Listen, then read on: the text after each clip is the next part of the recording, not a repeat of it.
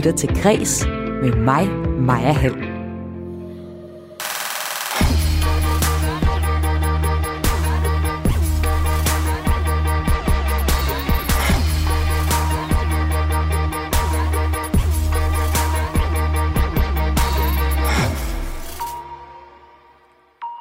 Verdens rigeste mand og selv erklæret ytringsfrihedsfundamentalist, Tesla-milliardæren Elon Musk, har købt Twitter.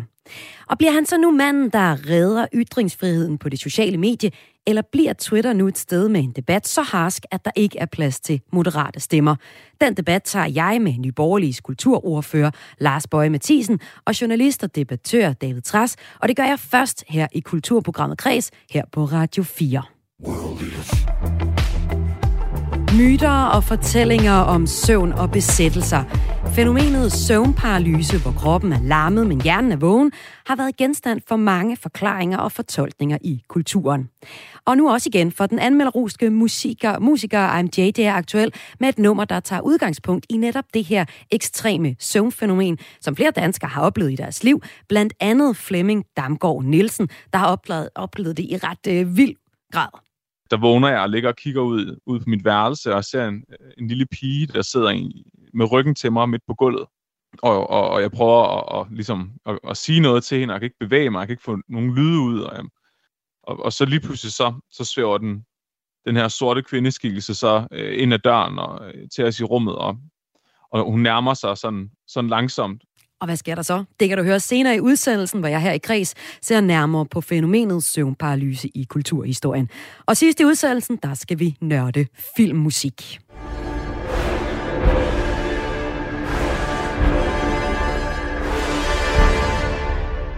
Hans Zimmer er en af verdens største filmkomponister, og han giver i dag koncert i Danmark. Han er særlig exceptionel til at lave stærke koncepter, og han bruger blandt andet i krigsfilmen Dunkirk den auditive illusion Shepard's Tone, der gør musikken super intens. Den kan du høre mere om senere i udsendelsen. Du kan lige få en, en teaser for Shepard's Tone her i Dunkirk. Det lyder sådan her.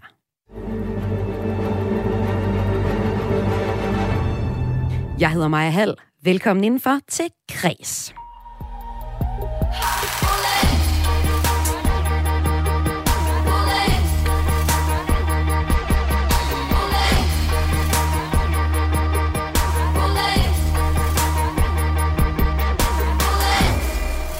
Mandag aften kom det frem, at verdens rigeste mand, grundlæggeren af bilproducenten Tesla og rumfartsselskabet SpaceX, Elon Musk, har købt det sociale medie Twitter for et beløb svarende til mere end 300 milliarder kroner. Det har så affødt en øh, lang række reaktioner fra brugere på sociale medier. Og det er lige fra frygt for, at øh, platformen vil ændre sig til det værre, til glæde over udsigten til, at der vil komme frie rammer i debatten. Og de to synspunkter, dem kan du høre nu, hvor vi tager debatten om, om det er godt eller skidt for ytringsfriheden, at rigmanden her, Elon Musk, har købt lige præcis Twitter.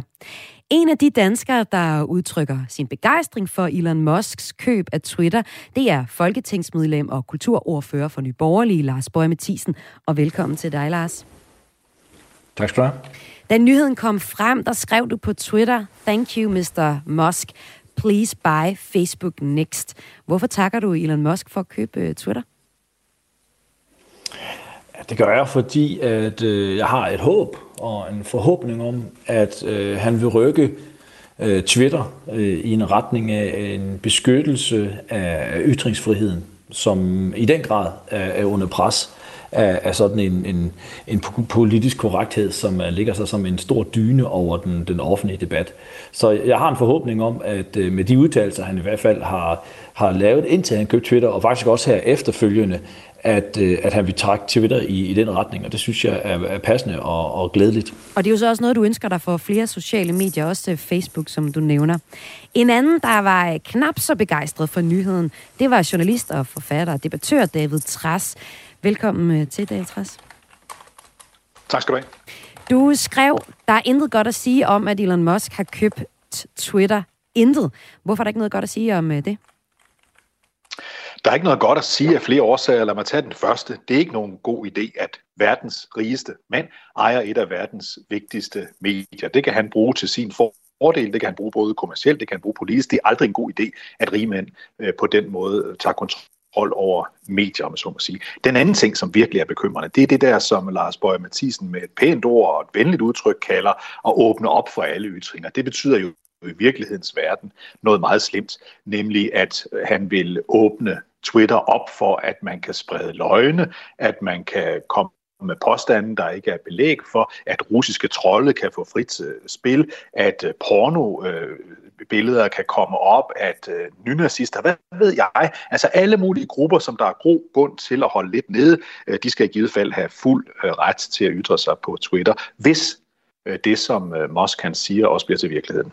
Og så har vi jo sådan set kridtet banen meget godt op her i kulturprogrammet Græs på Radio 4. Altså de to reaktioner på købet af Twitter, hvor det altså er Elon Musk, der har gjort det. Spørgsmålet om ytringsfriheden på det sociale medie er et af de helt centrale omdrejningspunkter i det her køb.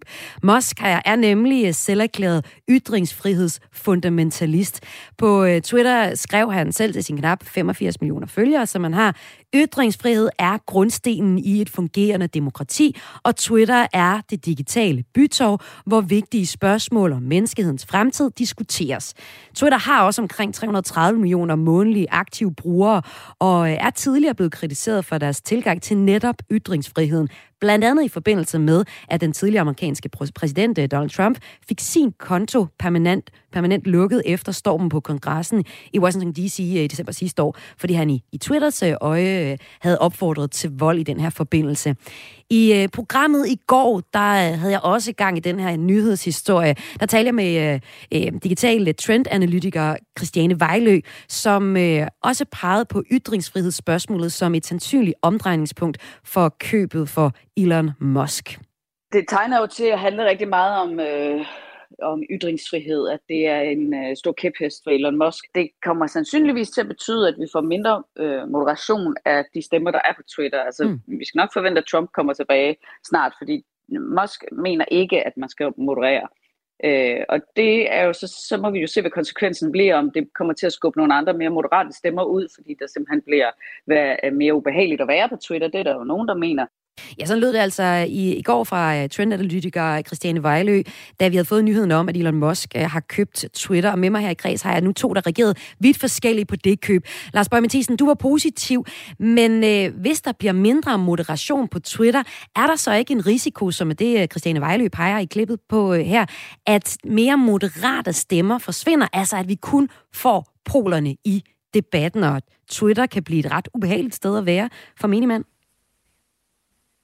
Nej, det tror jeg, det tror jeg ikke. Altså, øh, hvis vi lige tager fat i, i det, som Elon Musk han, han siger, han gerne vil gøre ved det, så siger han jo netop, at han vil, øh, som han siger øh, direkte i hans tweet, han vil defeat og defeating the spam bots. Og det er jo lige præcis det, som, som David han også snakker om her, som de russiske trolde og alt sådan noget. Det er faktisk dem, han gerne vil vinde over, og dem han mener, der ikke er blevet gjort nok øh, for at, at, at bekæmpe. Øh, og, og så vil han også sikre, at, at, at alle ytringer kan komme til, så længe at det er ytringer, som selvfølgelig ligger under ansvar for, for lovgivning. Så det der med, at at alle ytringer pludselig bliver tilladt på, på, på Twitter, det er, det er simpelthen øh, stik imod, hvad det er, han, han, han selv siger, at han, han gerne vil have. Men han ønsker ikke, at Twitter skal gå længere i deres moderation, end hvad loven den tilskriver. Og det synes jeg er et meget, meget sundt princip, som jeg, jeg håber, at, at de andre øh, altså Facebook og andre ting, de også vil gå den vej, og det er den måde, jeg burde, jeg mener, at der skal, burde, der skal ske en regulering, for jeg er jo ikke øh, imod, at der skal ske en regulering, men det burde være en regulering, som sikrer ytringsfriheden for borgerne. Og det gør man ved, at man tilpasser lovgivningen, så den er den samme på de sociale medier, som den vil være i, i den virkelige verden. Og det er jo sådan på de sociale medier i dag, der står du, kan du godt ytre dig, men du står altså stadigvæk til ansvar for, for loven, øh, hvis du bryder lovgivningen, for eksempel på øh, racisme eller injurier eller nogle andre lovgivning. Der er det ikke sådan, som om, at der er det vilde vest, du bare kan udtale, hvad du vil på de sociale medier. Og det er heller ikke det, han lægger op til. David Træs, har du misforstået det, det fuldstændig? Fordi der er jo øh, regler for, hvordan man må ytre sig, som øh, vi hører Lars Bøge Mathisen sige her. Ja, det er der til en vis grad. Der er svært, det, det er ganske vanskeligt at overholde de regler. Det har Twitter indtil videre forsøgt at gøre på forskellige måder. Lad mig give et eksempel. Når for eksempel meget voldsomme ytringer kommer under et opslag, som jeg har, øh, slået op, eller som øh, Lars Bøje Mathisen har slået op. Det kan være to forskellige typer, der, der reagerer meget voldsomt øh, på os. Så er der faktisk en funktion, hvor disse øh, værste udtalelser er skjult. Altså det, hvis der kommer meget meget voldsomme ringer, ringer aktytringer mod hver af os, øhm, på, på, på, altså af forskellige årsager. Der tror jeg, det er utrolig vigtigt, at man holder fast i, at den linje, som Twitter og Facebook og andre sociale medier har været tvunget til at bevæge sig ind af i de seneste år, nemlig at være lidt mere modererende, end de egentlig havde lyst til at være til at starte med, at det fortsætter. Og der opfatter jeg altså øh, Elon Musk, som vi jo altså også lige skal huske, er øh, ganske vist verdens rigeste mand, men han er også en mand, der ofte er ekscentrisk, der, der, der, der slynger snart til højre og snart til venstre i sine udtalelser. Jeg er ikke tryg ved, at, at hans øh, mål, det sådan er at genskabe et bytorv, sådan nærmest i det gamle Grækenlands øh, forstand, hvor folk de, de kan stå og sige deres holdninger. Fordi hvad er det egentlig, der sker på et bytorv, eller i en folkeskole, eller på en arbejdsplads? Det er jo, at ja, det er ikke alt, øh, som man siger, der nødvendigvis er ulovligt, men der er meget, der ikke er i orden.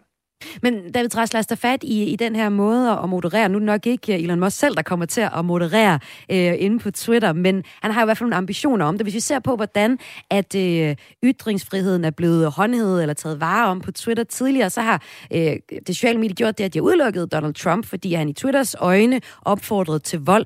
Man kan så se på den anden side, så er der stadig konti på øh, Twitter fra den øh, iranske ayatollah, der er, ja, jo egentlig er overhovedet for et brutalt diktaturstat, de kan få lov til at levere budskaber, og det kan de på en række forskellige sprog. I, øh, i Indien så har Twitter så lukket en række regeringskritiske konti på opfordring fra den, regering, øh, den indiske regering. Så det her med at, at moderere, altså er det ikke uundgåeligt, at man kommer til at have en ret hyggelig tilgang til det som, øh, som medie, for eksempel Twitter i det her tilfælde? Altså, den slags er jo altid svært. Det er jo det, du gør i dit program.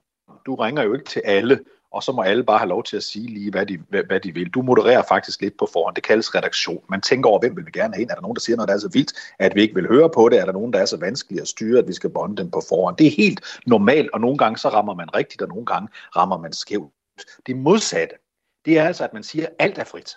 Altså, vi må sige hvad som helst. Jeg forstår godt øh, kritikken af, at han i Iran gerne må være der, og at Donald Trump på den anden side ikke må være der, fordi det hænger ikke rigtig sammen. Der er dog den forskel, øh, tror jeg, at øh, nu har jeg ikke fulgt Ayatollahs øh, øh, tweets øh, med samme intensitet, som jeg har med Donald Trumps. Altså Donald Trump er jo blevet stoppet, fordi han gentagende gange dels, dels øh, opfordrede til vold i forbindelse med 6. januar stormet på kongressen, men også ved at gentage falske oplysninger, altså bevidst lyve om ting, der var foregået. Det var det, man, man satte ind for over for ham. Jeg tænker, uden at have fulgt Ayatollahs øh, tweets tæt som sagt, at det er sådan mere generelle politiske øh, holdninger, han kommer med.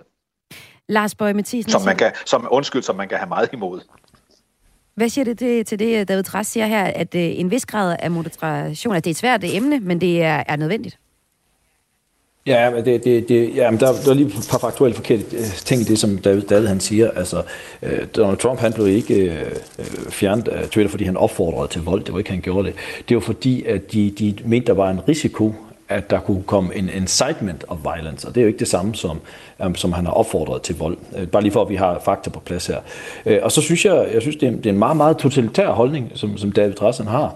Uh, for, fordi at, at han siger no, noget, der ikke er i orden må man ikke skrive. Øh, og det, det, det er der, hvor det går hen og bliver totalitært for mig, fordi øh, jeg mener ikke, at, at David eller heller ikke nogen fra, Trace, øh, fra Facebook eller Twitter skal sidde på den måde og moderere i, hvad det er, der ikke lige er i orden at sige, så længe du står til, til ansvar øh, over, for, over for lovgivning. Altså, der er mange ting, som, som, som der er folk, der skriver på, på Facebook og som Twitter, som provokerer mig øh, grænseløst, øh, og som jeg synes er åndssvagt, jeg synes det er dumt. Der er også mange ting, der måske bliver skrevet på Facebook, som jeg synes er faktuelle forkerte, og så angriber jeg det med, med argumentation øh, og, og har en debat om, omkring de ting. Og det er jo et vilkår, som jeg synes, der er øh, et, et grundelement i et frit øh, demokrati, og skal være i et demokrati. Men kan alle kan gøre det, debat, du kan gøre, vores, øh, Lars Bøge Mathisen? Kan alle, øh, altså hvis man nu er en mere moderat stemme, øh, ender man så ikke bare med at, at lukke munden og aldrig gider skrive noget på sociale medier, når det bliver så ekstremt, den måde, man bliver angrebet ja. på? Jamen, så skal du definere, jeg betragter mig ikke som en ekstrem stemme. Jeg er da bare en, en, en stemme i debatten. Ja. Altså, det var slet ikke myndet på dig, det, det var bare sådan generelt. Skal, skal, ja. Nej, men, nej, men hvad, hvad, hvad, er det, hvad er det? Altså, hvem er det, der skal definere, og hvem er det, der skal bestemme, hvad der er moderat, og hvad der er en ekstrem holdning? Mm. Altså, det, det er sådan noget meningstyrani. Øh, hvem, hvem er det, der skal sidde? Og det er jo det, der er problemet nu, der sidder og siger, så må du ikke skrive Tommy Robinson. på, på Facebook, så bliver du banet, fordi du skriver det. Det er et ord. Det er et navn. Men det er jo også en, en, en mand hvorfor, med hvorfor er det, der er nogen, der skal... en, en baggrund og en historie, og der er jo en grund til, at øh, hver gang der er nogen, der bliver ja, banned eller cancelled eller, eller fjernet fra, fra et socialt medie, så der er jo også en bevæggrund bag det. Men jeg kan godt tænke mig lige til sidst også høre... Nej, det er, det er der ikke. Det, det, det, det, det vil sige, det, det vil lige anholde det der, det argumentation. Ja. Øh, vi havde et øh, folketingsmedlem, som i, op til sidste, vores spidskandidat i Vestjylland, øh, Nick Mogensen, som i valgkampen får sin Facebook-konto øh, slettet i 30 dage, fordi han skriver ordet økofobi. Øh, og for de folk, der ikke ved, hvad økofobi, så betyder det had til egen kultur. Det var det ord, han skrev, og, og der blev han slettet. Det vil sige, at man går direkte ind der og har en direkte påvirkning i et demokratisk valg. Så, så selvfølgelig har det stor betydning, øh, hvad de her tekstselskaber de gør. Og jeg mener også, der skal ske nogle regulering, men regulering skal ske i, at man beskytter ytringsfriheden. Og det er det, som Elon Musk han vil. Og så forstår jeg godt, at der er nogen, der er, er bange for, at, de, at uha, nu kan de så blive udfordret på deres holdninger. Men det mener jeg nu bare er sundt for demokrati. David Træs, her til sidst. Altså jeg vil sige, at øh, det som, som, som Lars her kalder for en totalitær gang, øh, tilgang eller en tyrannisk tilgang, øh, det er jo det, som vi normalt bare kalder redaktion af et medie. Fordi man skal huske på, når man taler om ytringsfriheden her på sociale medier eller i almindelige medier, så er det jo ikke sådan, selvom danske øh, ytringsfrihed Øh, frihedsfundamentalister gerne vil have det til at se sådan ud, at man bare trykker alting, at man bare giver folk mulighed for at sige alting, når der foregår hver eneste dag en, en redigering, forskellige i medier kan have forskellige holdning til, hvad de gerne vil bringe eller ikke bringe. Facebook og Twitter er i den ganske særlige situationer, at de er globale, men dog med et særligt øh, fokus på USA, og derfor så ser vi ofte, at de her indgreb mod folk, der ytrer sig, de, øh, de har sådan en amerikansk tilgang, fordi det er der, de skal være. Vi må anerkende, at Facebook og Twitter i dag er så store globale medier, at de påvirker øh, meningsdannelsen og derved for eksempel valghandlinger i, i rigtig mange lande, og derfor bør de også være underlagt øh, mange, hvis ikke alle, øh, de samme regler som alle mulige andre typer af medier, øh, de har. Og det er blandt andet en redaktørs ansvar på et normalt medie, at man ikke videregiver bevidst falske oplysninger, og hvis det alligevel sker, det, det, så vil man blive dømt Det er en social platform, David.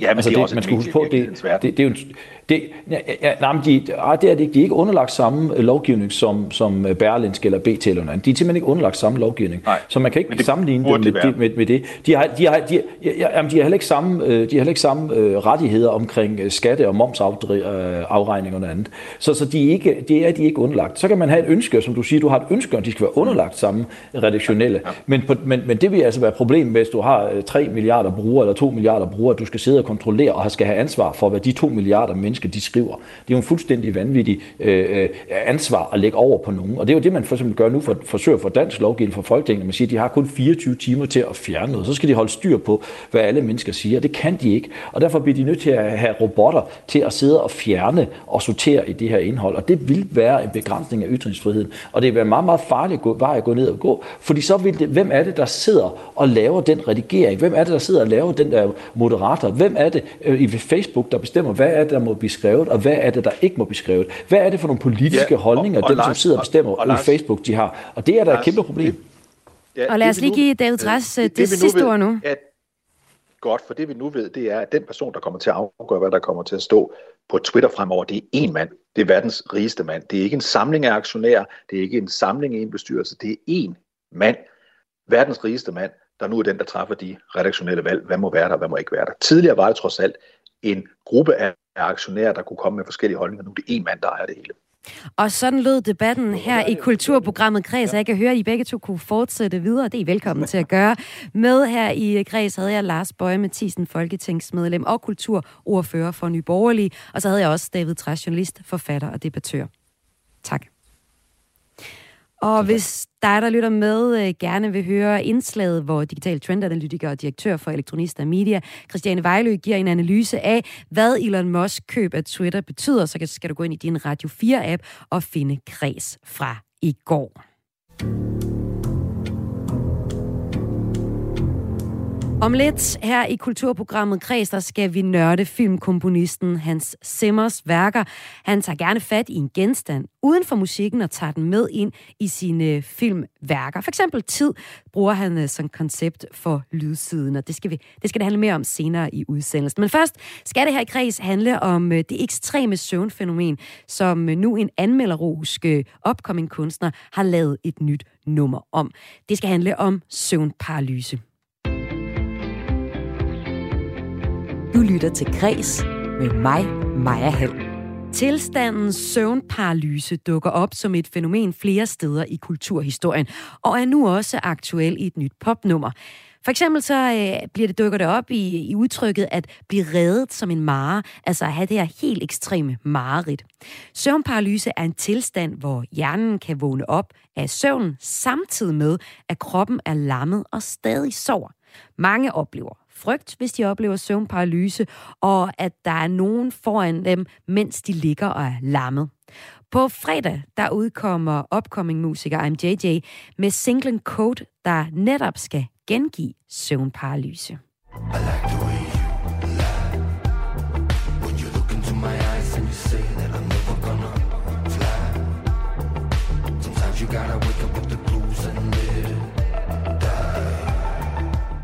Og vi har senere her en, uds- en snipremiere på sangen om lidt, altså her i øh, uh, Kreds. Inden da skal vi høre fra en af dem, der selv lever med søvnparalyse. Det gør Flemming Damgaard Nielsen, der har podcasten Videnskabelig Udfordret, hvor han også har set nærmere på netop søvnparalyse i et kulturhistorisk perspektiv, og det har vi også talt med Flemming om. Flemming Damgaard Nielsen oplevede for første gang søvnparalyse, da han var et sted mellem to og fire år. Det fortæller han her til min kollega Emil Mortensen det længste tilbage, jeg kan huske, det er, øh, at jeg bare var meget bange for at sove, og at øh, jeg tit vågnede og var mere træt, øh, end, end da jeg gik i seng. Øh, det først, der er når sådan op i skolealderen, at jeg, har, at jeg har nogle minder tilbage om, hvad der egentlig er, der sådan er hent.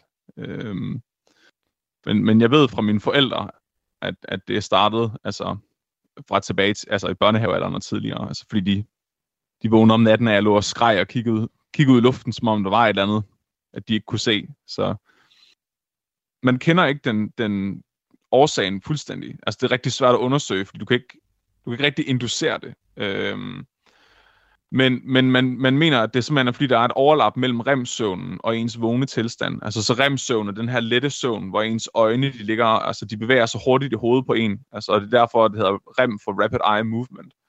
Og, og, og teorien går på, at man simpelthen vågner for øh, hurtigt fra remsøvnen til at den er overstået, og man så derfor får sådan en blanding af at, at drømme og være ved bevidsthed på samme tid, hvilket jeg synes er ret øh, freaky. Og man ser ofte, at, at det sker hos folk, der har øh, det, der hedder afbrudt eller kortvarig remsøvn. Så altså, øh, det kan være folk, der for eksempel er under stress. Øh, de, de sover dårligere, så der, der vil man se, at, at, at søvnparalyse oftere forekommer en gennemgående karakter i din øh, søvnparalyse. Det er den her voksne kvinde, som svæver hen over gulvet. Et af de minder, der står stærkest for dig, er en øh, situation, fra da du var barn, hvor både den her voksne kvinde optræder, og så en lille pige, som øh, sidder i en stol med ryggen til dig. Hvad var det, der skete der? Så som regel udspiller det sig på nogenlunde den samme måde. Øhm, så altså, jeg vågner, og jeg kan ikke øh, bevæge mig. Og så har jeg en fuld, altså det, det er svært at forklare til nogen, der ikke har prøvet det. Man har sådan en, en fuldstændig paralyserende frygt. Øh, den der, det der ja, man får, hvis man er ude i trafikken, og der er en bil, der er lige ved at trække ud foran en, den der, uh, der var lige ved at dø. Altså den der følelse, den sidder bare og skriger i kroppen på en. Øh, og, og man, altså selv inden, øh, det er i hvert fald min oplevelse, inden jeg ser noget, inden, hallucin- alle de her hallucineringer, de starter, så er frygten der allerede, at jeg kan mærke en, en tilstedeværelse. Og det er den her, den samme sorte kvindeskikkelse, der ligesom har fulgt mig hele livet, at hun, øh, øh, hun ligesom kommer for at, at slå mig ihjel. Øh, hun bevæger sig meget unaturligt, at ligesom svævende hen over gulvet øh, på sådan en død måde. Og, og jeg tror, at en af, de, en af de værste minder, jeg har, der har jeg nok været omkring 10 år gammel, at, øh, der, der vågner jeg og ligger og kigger ud, ud på mit værelse og ser en, øh, en lille pige, der sidder i, med ryggen til mig midt på gulvet og, og, og jeg prøver at, at, ligesom, at, at sige noget til hende, og jeg kan ikke bevæge mig, jeg kan ikke få nogen lyde ud, og, øhm, og, og så lige pludselig så, så svæver den, den her sorte kvindeskikkelse så øh, ind ad døren og øh, til os i rummet, og, og hun nærmer sig sådan, sådan langsomt. Som regel ender hun altid med at være sådan over brystet på mig, altså, og, og jeg har ligesom en følelse af, at hun, at hun vil slå mig ihjel, og heldigvis er jeg aldrig nået så langt, at hun er, øh, er begyndt ligesom at, at kvæle mig, men, men jeg ved, at det, det er den oplevelse, at der er rigtig mange andre med søvnparalyse, der har, at, at de faktisk ser den her øh, kvindeskikkelse, der, der prøver at kvæle dem. Og ser du de her ting med, med åbne øjne, eller hvordan det skal jeg lige forstå? Ja, ja, så det er en vildt underlig oplevelse. Folk de tror altid, man er lidt øh, skør i hovedet, når man fortæller om det. Men ja, det er, altså, det er fuldstændig ligesom at være vågen. Så, så, altså, så man, altså, jeg er ved fuld bevidsthed og, og ser tingene i rummet, som, som er de der på, på lige fod med alle andre ting. Altså, de ser lige så ægte ud. Og, og som barn, der forstod jeg ikke, at det ikke var ægte. Altså, det er jo som voksen, kan man rationalisere det, men, men ja, det er, det er fuldstændig ligesom at være vågen. Altså, man har også de samme, tankekapaciteten er den samme, altså man, man, man er lige så bevidst, hvis man kan sige det på den måde. Nu fortalte det er du jeg i hvert fald. ja, og hvis vi, hvis vi ser på øh, søvnparalyse, så har du flere eksempler på, hvor det optræder i kulturhistorien. Og som du lige selv fortalte, så øh, kom den her kvinde ender nogle gange med at være nærmest oven på brystet af, af dig selv. Og det er jo lidt apropos udtrykket at blive reddet som en mare, som, øh, som også stammer fra øh, søvnparalysen. Det handler ifølge folketroen om at være plaget af et væsen, som rider folk på brystet, mens de sover. Hvordan ser du, at, øh, at det her udtryk det hænger sammen med søvnparalyse? Ja, og det er jo det, er det der, er, øh, der er lidt pudsigt, fordi det her fænomen, det er jo egentlig meget mere almindeligt, end, end man måske tror. Så, så hvis man kigger på tværs af stort set alle verdenskulturer, altså Afrika, Asien og Europa, hele vejen rundt gennem historien, altså lige siden vi har, har skrevet ting ned, så er der folk, der har beskrevet de her oplevelser øh, af søvnparalyse. Så alle, alle kulturer har mere eller mindre deres egen udgave af den her øh, kvindeskikkelse. Så i, i Skandinavien, der har vi øh, en mare, eller maren, som er, som er den her øh, kvindeskikkelse, der sætter sig på brystet af mænd, eller af kvinder også, men, men øh, det er oftest, at mænd ser, ser det som en kvindeskikkelse, og, og kvinder ser det omvendt, øh, altså af hvad jeg har, har set i litteraturen. Men at Maren ligesom kravler op på brystet af en, og, og så trykker en på brystet, så man ikke øh, kan trække vejret. Og, og det er derfor, at, at udtrykket mareridt hedder, øh, som det gør, fordi man mente, at at hvis man vågnede op og havde haft mareridt, så var det fordi, hun havde, havde sættet på brystet af en og ligesom altså, reddet en, altså blevet ridt af Maren. Øh, og jeg tror egentlig, det kommer af, at folk er vågnet med søvnparalyse, og, og så har set øh, noget lignende det, jeg har set, og så har tænkt, at det må være årsagen til mareridt. Øh, I, i, øh, hvad hedder det, i England og USA, der har man øh, sådan en mere øh, bibelsk udgave øh, hvor, som man kalder en succubus, som, som er også sådan en, en kvindelig dæmon, der, der simpelthen forfører mænd om natten. Øh, der er sådan lidt mere seksuelt aspekt til det. Øh, men der er også nogen, der oplever, altså ud over den her trykken på brysten, så kan man, så kan man opleve andre ting også, øh, øh, som, som ligesom snyder ens krop til at tro, der foregår noget, der ikke, der ikke gør i Bibelen, der er også øh, flere gange, hvor, opleve, hvor folk de oplever at få et, øh, et slags syn lige inden eller efter de sover. Hvad er det, de, øh, hvad er det, de oplever i Bibelen? Ja, det er en, øh, ja, det er en meget sjov teori, vi stødte på øh, på podcasten på et tidspunkt. Og det er egentlig, at øh, der, der er nogen, der har sat sig ned, og så har de læst mange af de her åbenbaringer, som finder sted i Bibelen, og så har de fundet en, en sammenhæng som godt kunne, kunne minde om, om søvnparalyse med dem. Altså, så øh, ikke at jeg siger, at, at det er det, der er sket, men, men, det, men det er tankevækkende, at der er rigtig mange af de her åbenbaringer, hvor, øh, hvor engle og, og, og Gud selv har vist sig for folk, at de, at de har ligget og været lige ved at falde i søvn, eller, eller falde i søvn, og så når den her vågne tilstand, og de så beskriver, at, at de bliver paralyseret af synet af det her guddommelige, og de så altså ikke kan bevæge sig, og, og stadigvæk er, er, er paralyseret af frygt også, og de så ser alt det her finder sted. At det minder utrolig meget om øh, en beskrivelse af søvnparalyse. I nyere tid, der har været beretninger øh, om, at mange de har set aliens foran dem i forbindelse med søvnparalyse. Og det mener du, det hænger sammen med populærkulturen. Hvordan det? Ja, det, så det er, øh, det er et andet paper, vi også har fundet, øh, hvor, hvor, hvor man har indsamlet utrolig mange øh, beretninger om folk, der er blevet altså bortført af aliens, eller oplevet, at aliens øh, har opsøgt dem i deres, øh, deres hjem, altså haft de alien encounters. Og, og der er beskrivelserne også på 80% af dem, at, at folk de, øh, de vågner i deres seng og ikke kan bevæge sig, og de så beskriver, at der står rumvæsener rundt om sengen, og, og det er derfor, de er blevet paralyseret af dem, øh, og de så ser alle mulige ting, de her aliens øh, gør ved dem. Men det er sjovt det der med, at det ligesom øh, skifter øh, alt efter hvad, hvad. Altså jeg har meget en oplevelse af, at, at det tager form af det, der ligesom foregår i ens hverdag, ligesom ens drømme øh, tager form af det, man, man ligesom oplever, oplever at tage ind, så tror jeg også, at søvnparalysen gør det samme. Så, øh, så jeg tror, for, for folk, der har levet øh, førhen, der har, der har de her bibelske oplevelser været sådan den mest rationelle forklaring, at kroppen ligesom kunne putte ned over det her, og, og så skabe billeder omkring. Og jeg tror bare, i nyere tid, der har, der har rumvæsener måske for nogle mennesker været mere plausibelt end engle, og det er så det, der er sket fortalte her Flemming Damgaard Nielsen, der selv har oplevet søvnparalyse og har undersøgt, hvordan det er blevet behandlet i kulturhistorien i forbindelse med et afsnit til podcasten Videnskabelig Udfordret, som han har været på. Og fænomenet søvnparalyse ser jeg nærmere på her i kulturprogrammet Kreds på Radio 4, hvor jeg lige nu øh, taler om det i forbindelse med, at musikeren JJ på fredag udgiver sin nye single Code, der netop handler om tilstanden. Det er ikke sådan helt klart, hvor mange, der har oplevet søvnparalyse, men øh, ifølge en artikel, jeg kunne finde på videnskab.dk, så menes mellem 5 og 20 procent og, og, øh, af danskerne en eller to gange i deres liv at have oplevet den her tilstand mellem at være vågen og, og, og sove. Og om lidt, så har vi øh, snigpremiere på sangen, som altså også beskriver det her fænomen. World men inden premieren, du skal høre fra MJJ selv, der har også oplevet søvnparalyse som barn, og nu altså har forsøgt at gengive det i sin nye single. Det øh, bliver dermed nu endnu en del af kulturhistorien, som beskæfter sig med tilstandens søvnparalyse.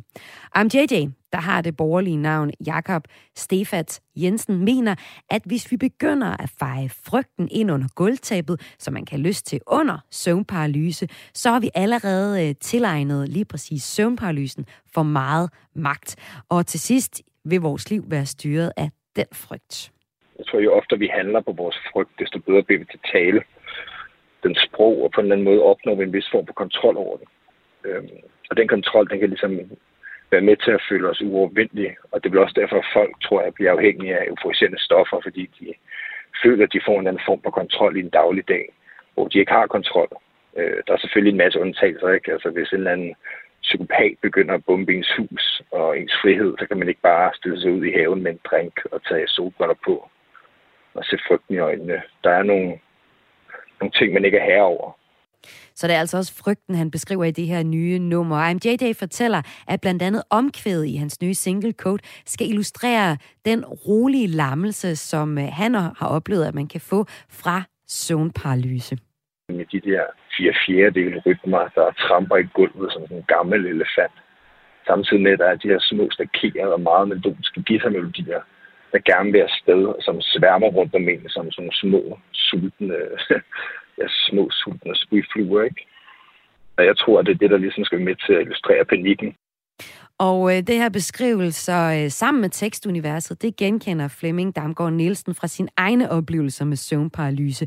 Han mener, det er tydeligt, at MJJ selv har oplevet tilstanden mellem at være vågen og sove fordi han har nogle detaljer med, som, som jeg tænker, en person, der ikke har oplevet søvnpålys, vil kunne fange. Den her dybe, meget langsomme lyd øh, afspejler virkelig godt følelsen, men også altså, øh, de billeder, han ligesom maler, at, at, at det er tidlig morgen, og, og at han ligesom bare ligger og venter på, at vedkommende kommer. Øh, hvilket jeg tolker meget som, som den der følelse, jeg også har af, at, at, jeg, at jeg ligesom ved, at den her kvindeskikkelse er i rummet, inden jeg ser hende. Så, så synes jeg, at den fedeste øh, sætning er, øhm, What do you see when you're looking at me? Are you disgusted? Det, det synes jeg er en vild fed overvejelse. Altså, hvad er det egentlig? Altså, jeg, jeg, læs, jeg hører det meget som, altså, hvad er det egentlig, du vil med mig? Altså, hvor, hvor, hvor, hvorfor vil du kvæle mig? Altså, er, er jeg virkelig så øh, disgusting? Og lad os så høre nummeret. På fredag udkommer MJJ's nye single Code, og vi har her på Kreds fået lov til at spille nummeret lidt før. Så her får du en urpremiere på I'm JJ med nummeret Coach.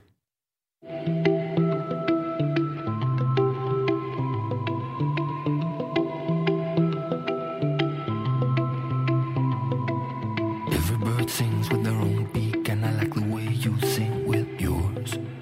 Early in the morning with your own lead welcoming the sun, opening doors. You don't cry, you pray, then you fly.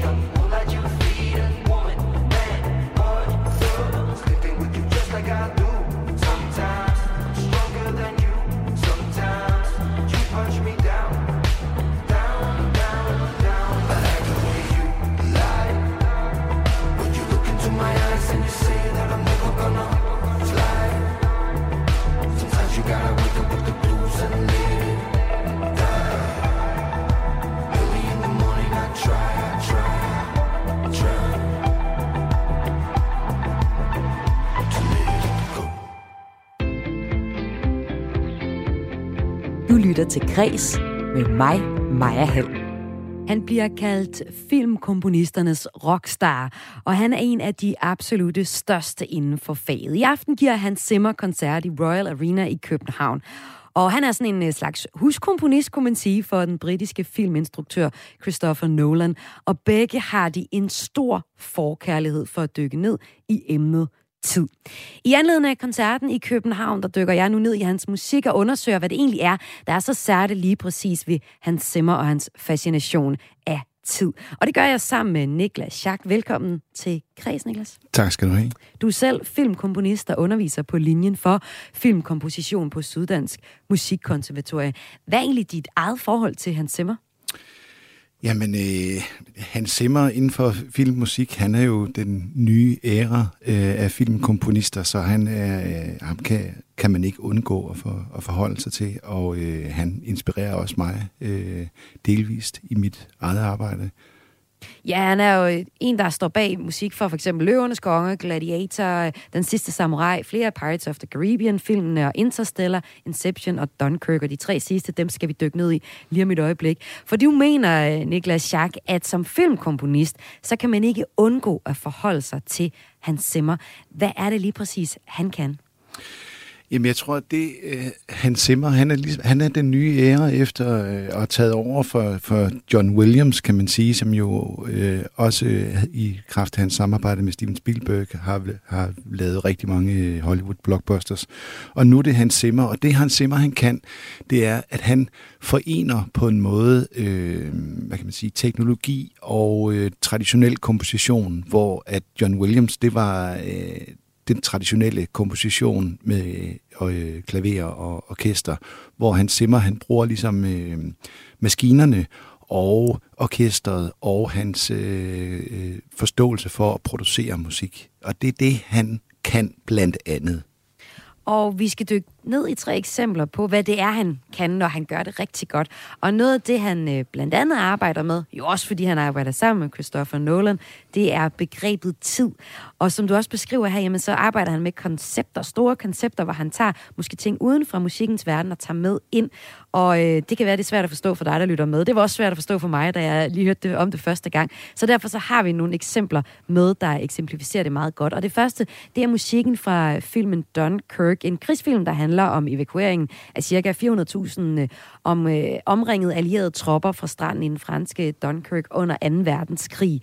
Her øh, benytter han simmer sig af en lydmæssig illusion, der på engelsk hedder Shepard's Tone. Og inden vi hører Hans Simmers version af den, som er meget pænere end den, I skal høre nu, så har jeg lige øh, indspillet en version her, der det lyder frygteligt, men jeg tror måske, I får en fornemmelse hvad af, hvad der, der sker her.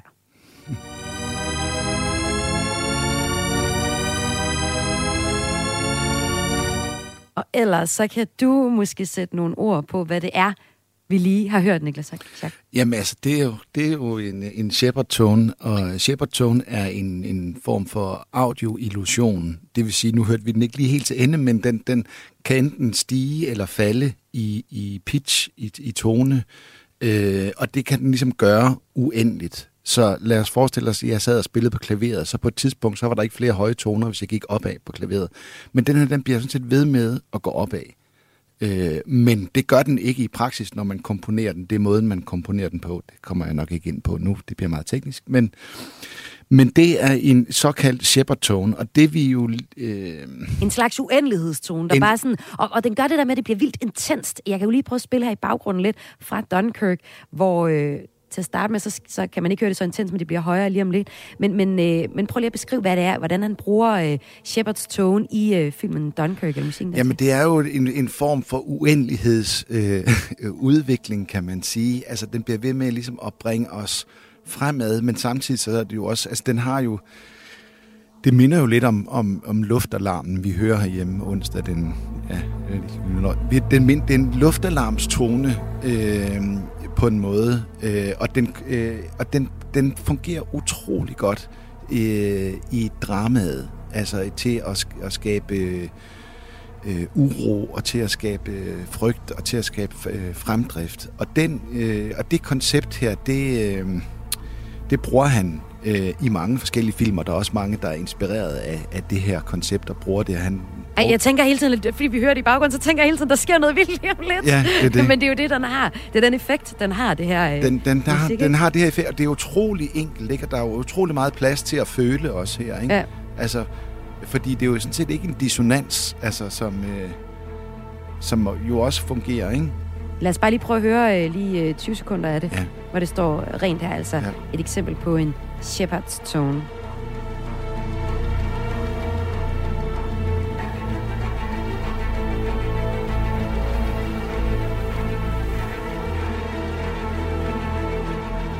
Så rent lydteknisk, så går den ikke nogen toner op. Det er bare en illusion. Det er altså en auditiv illusion af, at, at vi når længere op på, øh, på skalaen, uden at gøre det. Den, den går en oktav op, men den går en oktav op i tre oktaver. Øh, og, men, og så stopper den sådan set. Det er tre lag, der ligesom Mm. ligger oven på hinanden. Som. Hver, som hver især går... Øh, altså, det kan, den kan gå en oktav op. Det kan også bare være få toner. Men de ligger ligesom oven på hinanden. Og det skaber en illusion, fordi du ikke kan høre alle tre lag på samme tid. Så de tager ligesom over for hinanden. Og på den måde, så opfatter øret det som om, at... Øh, at den hele tiden, altså den bliver ved i uendelighed, enten at gå opad eller gå nedad. Så her er det jo altså uendelighed, han ja. Simmer på en eller anden måde har taget med ind i, øh, i musikken her til Dunkirk. Og øh, det næste eksempel, det er så øh, filmen Inception. Øhm, det er en, en film, hvor et hold detektiver skal plante en idé i en direktørs bevidsthed ved at gå igennem menneskets drømme. Og jo dybere de kommer ned i øh, drømmene, lå langsomme går tiden. Så her har vi altså tidsfænomenet igen, og jeg spiller lige her i baggrunden lidt af musikken fra filmen. Men det, jeg godt kunne tænke mig, at, at vi skal tage fat i, i i den her snak nu, med, med det andet eksempel med Hans Zimmer, som vi dykker ned i her i Kreds i dag, fordi at han giver koncert i øh, København i aften. Det er øh, egentlig Edith Piafs sang Non, je ne regrette rien, fordi øh, det er et nummer, der bliver brugt i filmen, når øh, folk skal hives ud af drømmene. Og øh, der er der et, øh, et stykke, vi kan måske lige høre det her, så kan du forklare, hvordan Edith Piaf er med i det her stykke. Ja, øh, vi, skal, vi, skal, vi kan starte med at høre det Ja. først, og så ja. kan jeg forklare lidt om det øh, efterfølgende.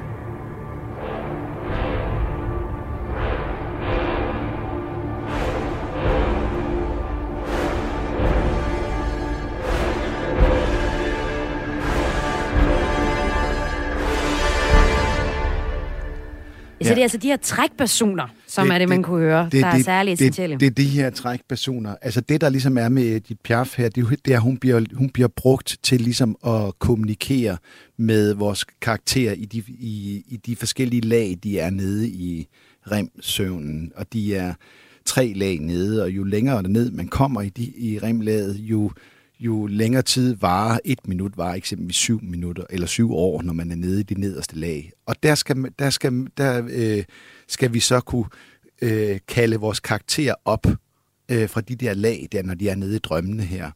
Og der bliver et Piaf brugt øh, som den sang, de hører, så de ved, at nu skal de op. Men Hans Zimmer går et skridt videre her, fordi han bruger faktisk også øh, det, vi hører her med, med, med messingblæserne her. Det er faktisk et Piafs sang, der ligesom er pizzet øh, væsentligt ned, altså så den er, ligger meget dybere og går på den måde langsommere, og så opfattes den helt anderledes.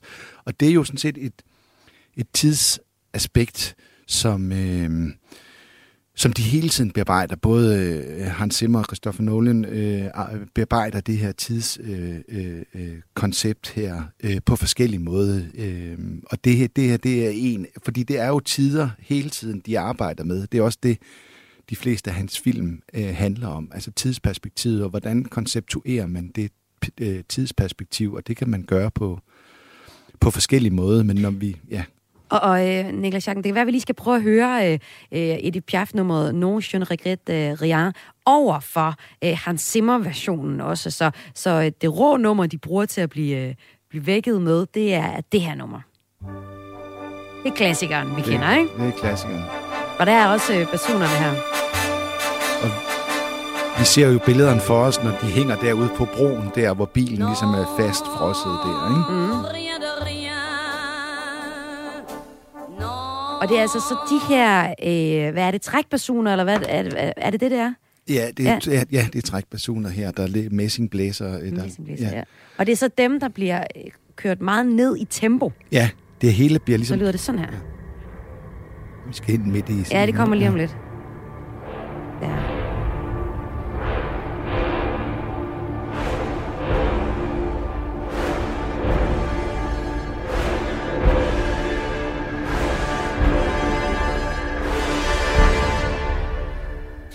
Og det her med, at Hans Zimmer bruger det her nummer på flere måder, er det, når du øh, dykker ned i øh, musikken øh, til, til filmen, til Inception her, er det så bare sådan, åh, en lækker genistreg?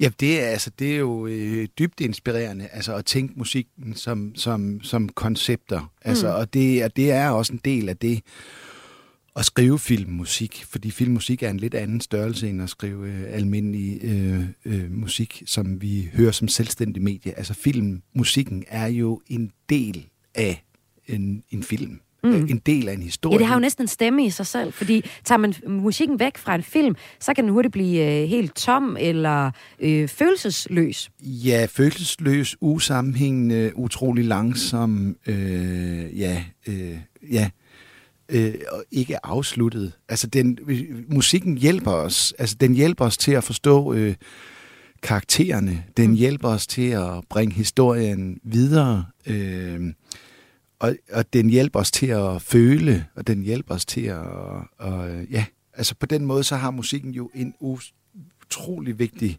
rolle i, øh, i filmen, ikke? Og, øh, og ja, og, og, og altså, så hvis du oplever en film uden musik, så vil, øh, Øh, Jeg måske være lidt flad i det. den ville være meget flad Ja, i det, ja. det, det må man sige. Og det er altså i aften i København, at øh, en af de helt store filmkomponister, Hans Zimmer, giver koncert. Og øh, med mig her i kreds har jeg filmkomponist Niklas Schack til at tale om, hvorfor øh, Hans Zimmer er så særlig, og hvordan han er særlig til at skabe koncepter inden for filmkomposition, hvor han altså tit sammen med Christopher Nolan, der er instruktør, arbejder med fænomenet tid. Og det gør han også i det sidste eksempel. Der skal vi se nærmere på øh, sci-fi-filmen Interstellar. Ja. Det er den her film, hvor et hold astronauter skal rejse 10 milliarder lysår, der er vi allerede i tid igen, ud i rummet i jagten på nye beboelige verdener. Her øh, arbejder øh, Simmer jo med et tema over tid, der handler om det mere guddommelige. Man kan sige, at han, han genopfinder ovlet. Hvordan gør han det i, i musikken øh, her? Jamen, det gør han jo. Altså, det, det hele, altså Hans Simmers scores, den måde, de bliver lavet på, de er jo, øh, jo de bliver langsomt bygget op. Vi hører faktisk oftest øh, elementer fra starten af, og så bliver det ligesom bygget op. Og så til sidst i epilogen, der øh, bliver det hele ligesom sat sammen. Øh, Hans Zimmer i, i Interstellar, der øh, genopdager øh, han ovlet, eller genintroducerer ovlet, fordi ovlet er jo et øh, gammelt, øh, en, en af vores ældste instrumenter, verdens første sampler faktisk, øh, men øh, har været lidt ude i, i, i en årrække, men, men det øh, genintroducerer han i Interstellar øh, i sin rene form her, og det er første gang her, vi skal høre det i, i nummeret Stay, hvor at Cooper har været øh, væk sammen med Brenda i, jeg tror, min hun hedder Brenda. Mm, I vores Øh, hovedpersoner, ja. ja. Vores, i vores to hovedpersoner i Interstellar. Og så kommer øh, Cooper hjem her, og han har været væk i 23 år. Og så kommer han hjem, og så sidder han og ser øh, øh, en række beskeder fra hans øh, familie og venner og øh, øh, fra de sidste 23 år. Og så her skal vi jo have introduceret følelsen, modsat musik, der har været her tidligere, som har været mere kold på vej op til Saturn og så videre, så er vi her tilbage. Vi er virkelig i følelsen, fordi han er gået glip af 23 års liv, sådan set. Og det er det, vi skal mærke. Og det er det, han i sin, i sin simple form her med ovlet øh, introducerer. Altså han introducerer noget, der både er følelsen i os alle, noget mangfoldighed, men også den her film, den handler jo om noget, der er større end, end os. Og hvad det kunne jo være eksempelvis øh, kristendommen, øh, og på den måde forbinder han kirken, ovlet. Altså, det er et koncept, det bliver på et metafysisk plan, bliver det, skaber det en større sammenhæng. Skal vi prøve at høre det der, hvor ovlet virkelig kommer ind? Jeg tror, at vi er på det rigtige her. Det her, det skulle i hvert fald være stage, hvor orglet kommer ind også. Hvor vi hører temaet, hovedtemaet til hele filmen. Vi kan også... øh,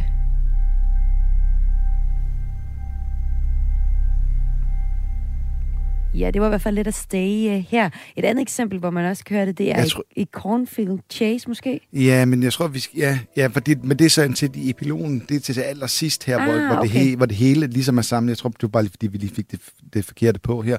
Øh, men øh, det... Øh, ja, men der, der bliver det hele sådan set samlet til sidst, og der kan vi godt høre Cornfield Case, eh, Chase øh, til sidst. Hvis vi lige kører lidt ind i den, så kan vi måske nå at høre der, hvor ovlet bliver introduceret.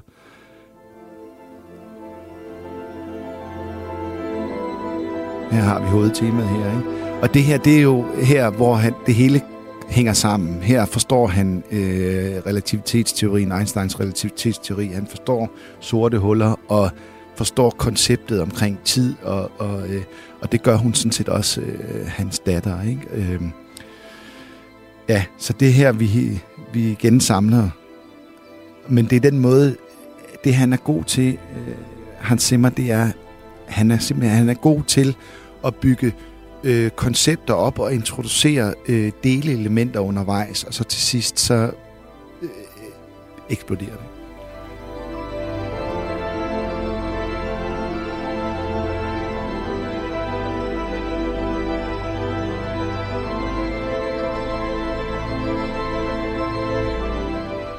Og Interstellar blev det øh, sidste af de tre eksempler, som øh, vi havde med her i kulturprogrammet Kreds til at beskrive, hvad det er, han Zimmer kan, når han øh, laver de her storladende koncepter til blandt andet Christopher Nolans film. Med til at fortælle om det, der havde jeg filmkomponist og underviser på linjen for filmkomposition på Syddansk Musikkonservatorium, Niklas Schack. Tusind tak, fordi du var med. Tak for det. Selv tak. Hans Zimmer giver, som sagt, i aften koncert her i Danmark. Og det var Kreds for i dag. Et program tilrettelagt af Søren Berggren Toft og Emil Mortensen. Og mit navn, det er Maja Hall. Hvis du har et tips eller noget, du er utilfreds med, noget du undrer dig over i kulturens verden, så send os en mail på kreds radio4.dk. Det er k r a i s radio4.dk. Du finder Kreds i Radio 4's app. Hent den i App Store eller hos Google Play.